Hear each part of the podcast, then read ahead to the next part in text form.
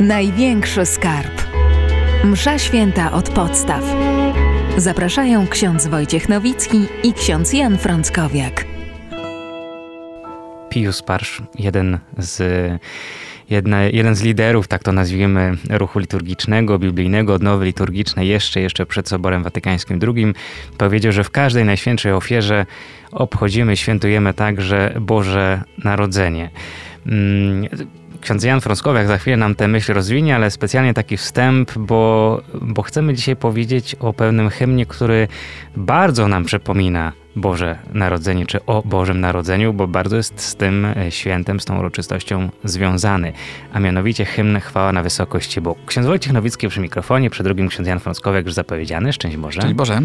No właśnie, to Chwała na wysokości Bogu, ten hymn dzisiaj byśmy chcieli rozpracować, nie za szczegółowo, ale jednak dać Spróbujemy kilka co takich powiedzieć. myśli. No właśnie, to, to jak to jest? Bo to nie zawsze było w każdą niedzielę, to właściwie kiedyś było właśnie w Boże Narodzenie. Mhm. Tak. Rzeczywiście ta myśl Piusa Parsza, że w każdej najświętszej ofierze obchodzimy w jakiś sposób również Boże Narodzenie, y, ponieważ e, Zbawiciel przychodzi na ołtarz w niepozornej postaci chleba, tak jak kiedyś przyszedł w niepozornej postaci dziecka na świat, ale cel przyjścia Jezusa wtedy i podczas mszy jest ten sam, czyli chwała Boża i pokój ludziom. Gloria, czyli radosny hymn rozpoczynający się od słów chwała na wysokości Bogu. To jest jeden z ważnych elementów obrzędów wstępnych y, każdej mszy świętej uroczystszej. Yy, właśnie, powiemy sobie dzisiaj o tym, skąd się ten hymn wziął oraz jakie ma znaczenie i kiedy go wykonujemy. Właściwie historycy liturgii mówią, że jest to ślad pobożności greckiej, która wydała ten hymn na świat, chociaż wiemy, że korzenie tego tekstu są bardzo biblijne. Dlaczego? Dlatego, że rozpoczyna się on od słów aniołów, które znamy bardzo dobrze z Ewangelii według świętego Łukasza, która opowiada nam o Bożym Narodzeniu. Kiedy aniołowie głosili pasterzom dobrą nowinę o narodzeniu Pana Jezusa, to właśnie śpiewali chwała na wysokości Bogu, a na ziemi pokój ludziom, w których sobie upodobał, ludziom dobrej woli. Różne są tłumaczenia. E, I e, ten hymn e, dotarł do naszej liturgii, został włączony i wykonywany jest w dzisiejszych czasach w pewnych okolicznościach właśnie bardziej uroczystych. Otóż historycznie rzecz ujmując, jest to jeden z najstarszych utworów chrześcijańskich. Niektórzy mówią, że prawdopodobnie jakiś jego takich głębokich korzeni, oprócz tych ewangelicznych, możemy upatrywać w śpiewach ku czci Chrystusa, e, których świadectwa mamy już aż z II wieku. E, pewnie te hymny były inspiracją do stworzenia tego bardzo uroczystego, rozbudowanego hymnu.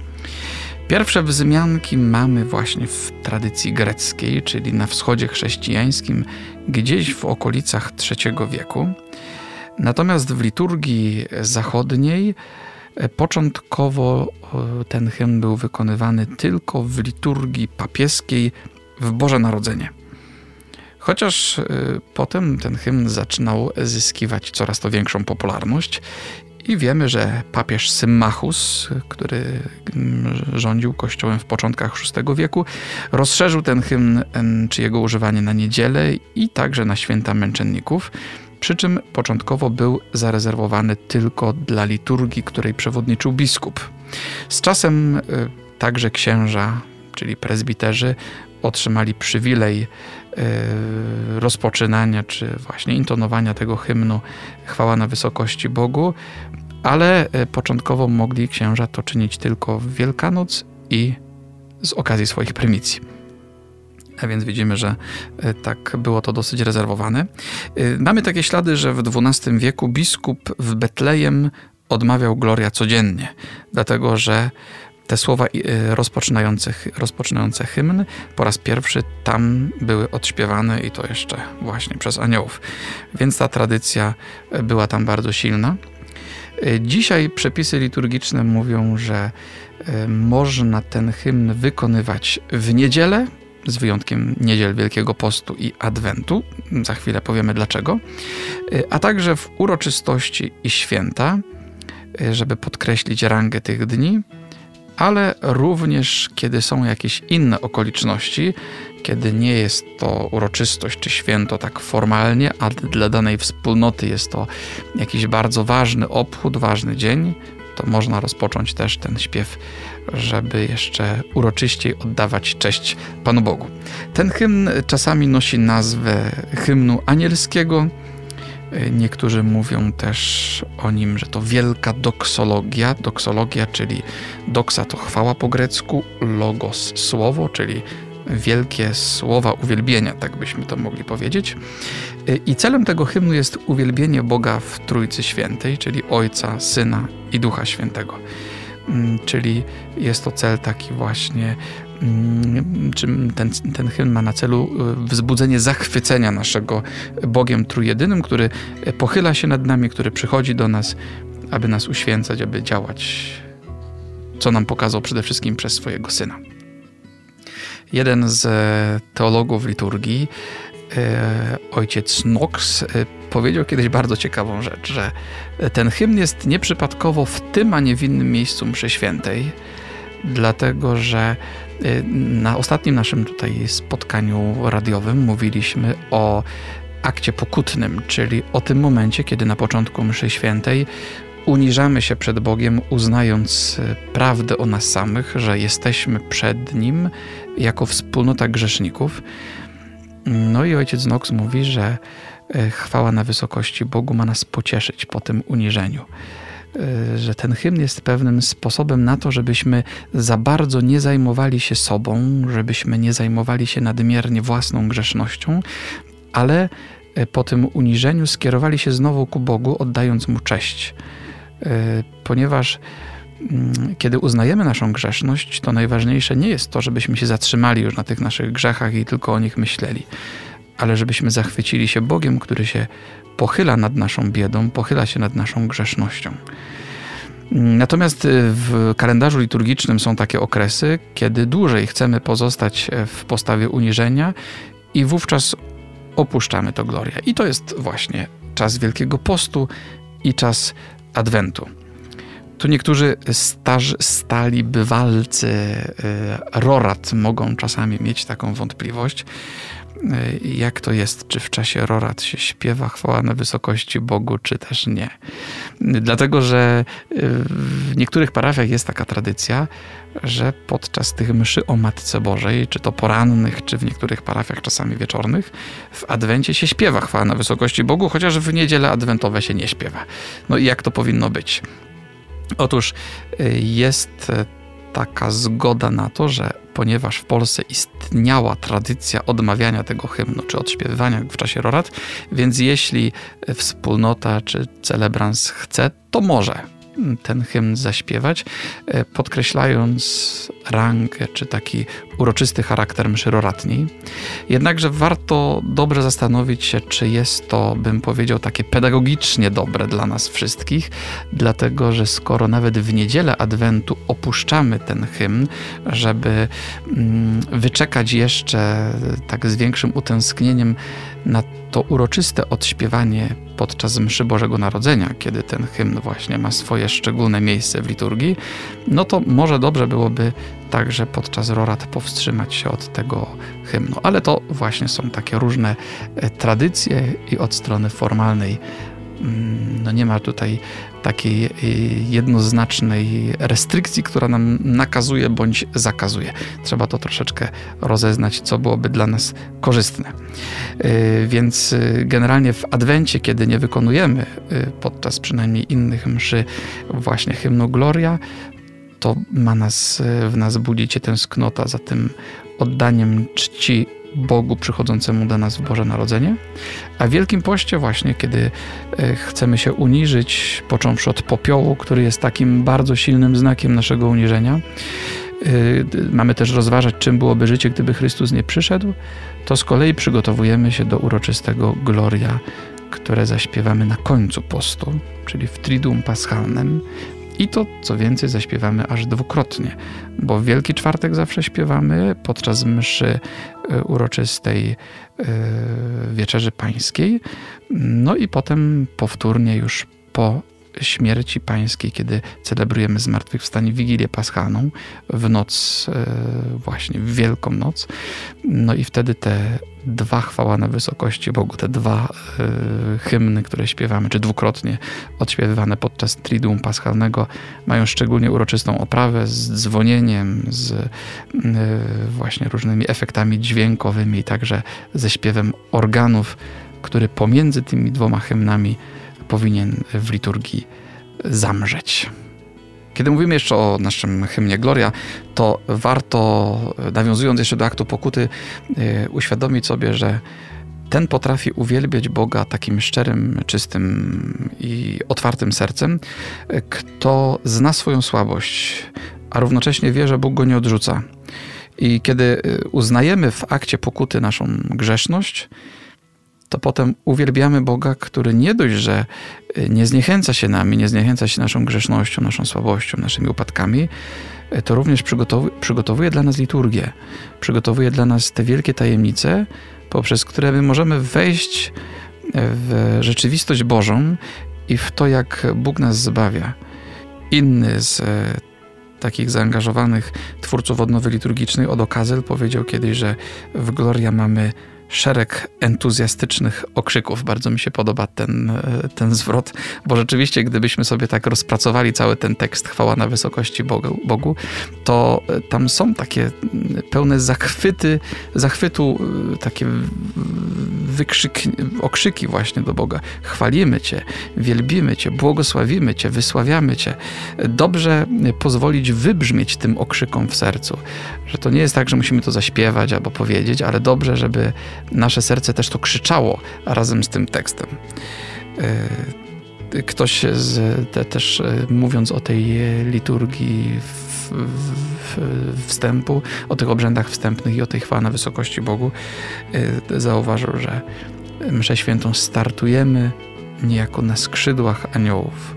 Razem z aniołami wzbijamy się ku niebu i ten hymn anielski od razu nam pokazuje, że to, co się dzieje e, w kościele, to, co się dzieje w czasie liturgii, to nie ogranicza się tylko do ludzi, których widzimy, ale bierzemy udział w kulcie anielskim, w tym, co się dzieje w niebie.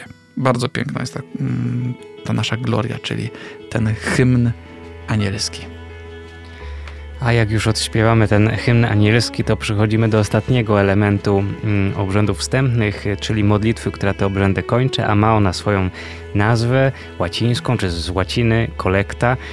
Może niektórym słuchaczom, zwłaszcza spoza poznańskiego, to się to kojarzy z tym momentem, kiedy zbiera się ofiary w czasie mszy świętej poznańskim to się mówi taca, pewnie albo składka, ale też w wielu miejscach funkcjonuje określenie kolekta i to nie jest przypadkowe określenie, bo oznacza przecież zbieranie. Kolekta to zbieranie. Co zbieramy w takim razie w tej modlitwie? Mhm.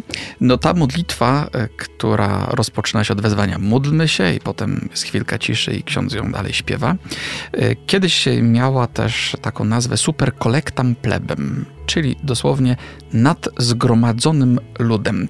Właśnie to kolekta dotyczyło ludu, który się zgromadził i nad tym zgromadzonym ludu, ludem jest wypowiadana modlitwa celebransa, dlatego że te wszystkie obrzędy wstępne, które do tej pory sobie omawialiśmy, one sprawiają, że wspólnota się ukonstytuowała do tego momentu. Każdy wszedł jako jednostka, każdy wszedł ze swoimi problemami, ze swoimi sprawami, ze swoim osobistym życiem duchowym.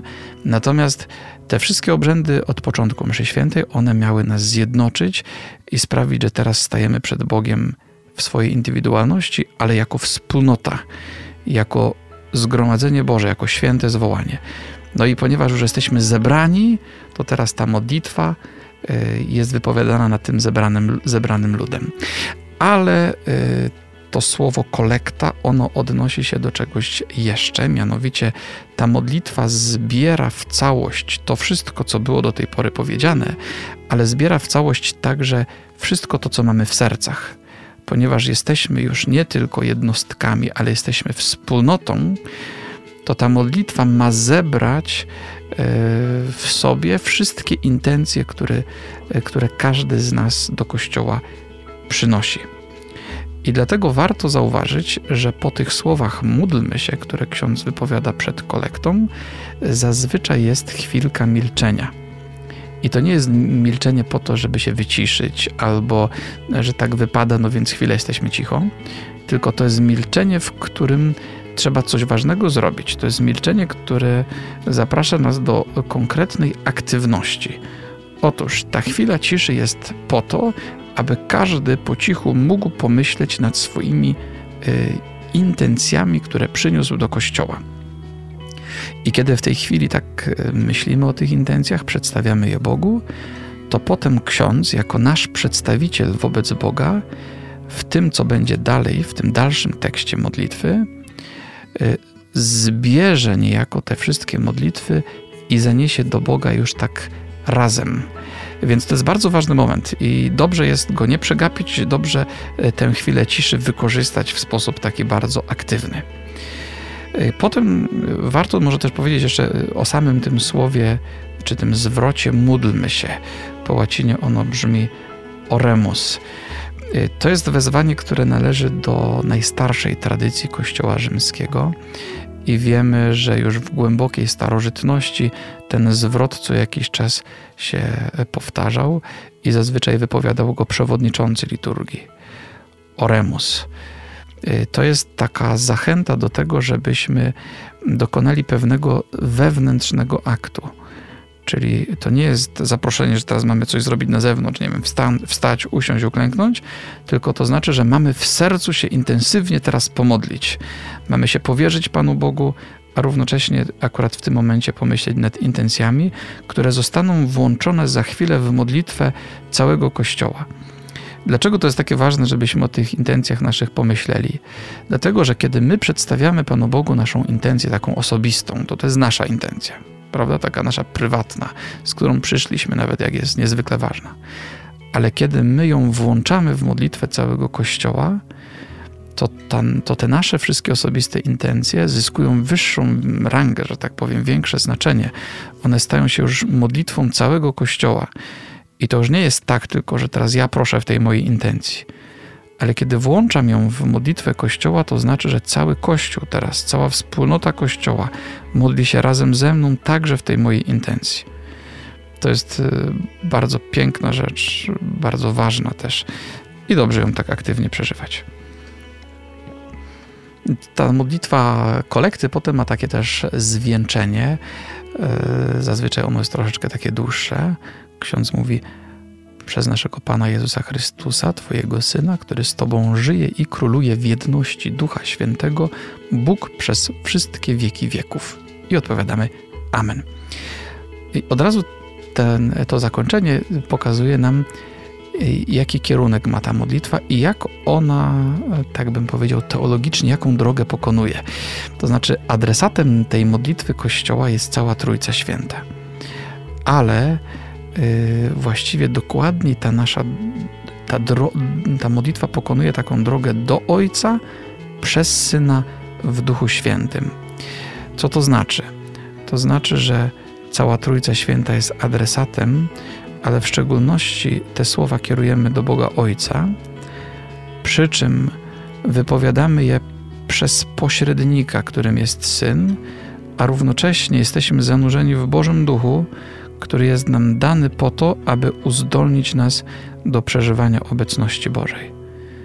Gdyby Duch Święty nas nie przenikał, nie przenikał całego zgromadzenia, nie bylibyśmy zdolni do modlitwy, ani do doświadczenia czy przeżywania Jego Bożej obecności. Tak. Y, to jest y, ważna modlitwa i ona podsumowuje całe nasze obrzędy wstępne.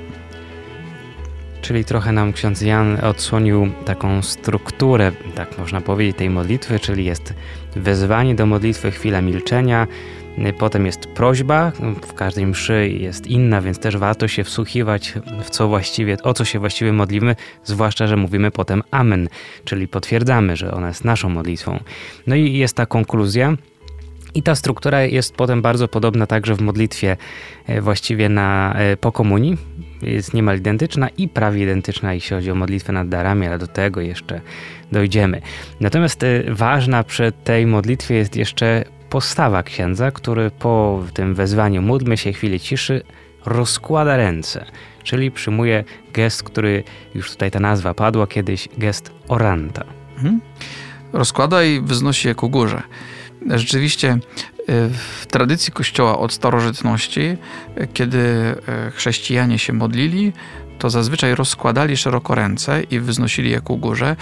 I to mm, jest gest, który nazywamy gestem czy postawą oranta, to znaczy tego, który się modli. No my zazwyczaj dzisiaj, kiedy się modlimy, to składamy ręce. One pomagają nam się skupić, natomiast rozłożone ręce, one ukazują kierunek naszej modlitwy.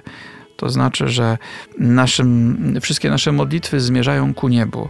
Oczywiście, e, kiedy wznosimy ręce, to nie chodzi o to, że y, ukazujemy kierunek sklepienia chmur, kosmosu, ale niebo jako rzeczywistość duchowa, która stale jest u góry, bo nas całkowicie przekracza. Te rozłożone ręce, one też wyrażają pewne poddanie się woli Bożej. To znaczy, że my sami jako ludzie za wiele nie możemy i bezradnie rozkładamy ręce, ale nie rozkładamy tych rąk ku dołowi, byśmy się załamywali tak ręce nam opadają, bo to byłaby beznadzieja, lecz rozkładamy nasze ręce bezradne ku górze, ku Bogu, który jest naszą jedyną nadzieją i od Niego oczekujemy wszystkiego. Niektórzy też mówią, że te rozłożone ramiona księdza przypominają nam krzyż y, i w ten sposób też dajemy do zrozumienia, że wierzymy w to, iż Jezus swoimi rozwartymi na krzyżu ramionami ogarnia wszystko. On chwyta to wszystko, czego się boimy, y, to wszystko, co nie pozwala nam iść dalej. On zna mm, problemy wspólnoty, problemy całego świata, zna też nasze osobiste problemy i to wszystko ogarnia swoimi ramionami rozpostartymi na krzyżu. W historii na tę modlitwę ksiądz i cała wspólnota zwracała się ku słońcu. Kiedy kościół był zbudowany ku wschodowi, to pewnie nie było to zbyt trudne, bo wszyscy i tak byli twarzą do ołtarza. Natomiast kiedy czasami kościół jednak był ustawiony w innym kierunku, to niezależnie od tego, gdzie był ołtarz, na ten moment wszyscy zwracali się w kierunku wschodzącego słońca. Dlatego, że żeby uświadomić sobie, że my się zbieramy i możemy zanosić modlitwę dzięki Chrystusowi, który jest słońcem e, wschodzącym z wysoka. To wschodzące słońce było zawsze symbolem Chrystusa zmartwychwstałego, a równocześnie Chrystusa, który powróci do nas. On przyszedł jako zmartwychwstały, przychodzi teraz w Eucharystii i przyjdzie na końcu czasów. I dlatego w tym kierunku na samą modlitwę kiedyś się zwracano.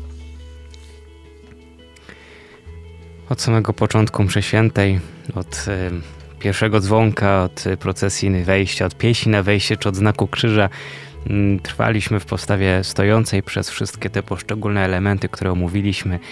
I teraz po wypowiedzeniu Amen wszyscy usiądą i będą wsłuchiwać się w Słowo Boże. Rozpoczyna się druga część e, liturgii, czy kolejna część liturgii, którą nazywamy liturgią Słowa. I do tej liturgii właśnie miały nas przygotować całe obrzędy wstępne. E, właściwie ich celem było nie tylko to, że trzeba jakoś mszę świętą zacząć, no więc robimy jakieś obrzędy na początku, ale celem jest po pierwsze wytworzenie wspólnoty wśród zebranych, dlatego niektórzy nazywają obrzędy wstępne obrzędami zgromadzenia. E, celem jest też mm, danie nam takiej doświad danie nam doświadczenia obecności Pana, obudzenie wiary, że On tu jest, uświadomienie sobie słabości, tego, że jesteśmy tu jako grzesznicy, nie tylko słabości, ale grzeszności przede wszystkim. No i otwarcie naszego serca na to, co będzie dalej, czyli w pierwszej kolejności na słuchanie Bożego Słowa, a potem na sprawowanie Eucharystii. W czasie obrzędów wstępnych mieliśmy też całe bogactwo różnych znaków, takich jak pocałunek ołtarza, znak krzyża, otwarcie ramion, ręce uniesione ku górze, milczenie, a to wszystko w postawie stojącej. Każdy z tych znaków też w jakiś sposób przemawiał do nas i coś wyrażał. No i teraz, kiedy spróbujemy przejść do drugiego elementu, czy do drugiej ważnej części liturgii, do liturgii słowa, to przejdziemy do tej liturgii już jako wspólnota przygotowana. I zachęcamy, żeby nas dalej słuchać, bo oczywiście krok po kroku i szczegółowo to wszystko omówimy Już od podstaw. Tak od jest. podstaw, dokładnie tak. Msza święta od podstaw. Największy skarb to jest nasza audycja. Ksiądz Jan Frąckowiak, y, nasz tutaj ekspert i ksiądz Wojciech Nowicki przy mikrofonie. Zachęcamy Was, żebyście byli z nami. Do usłyszenia. Największy skarb. Msza święta od podstaw.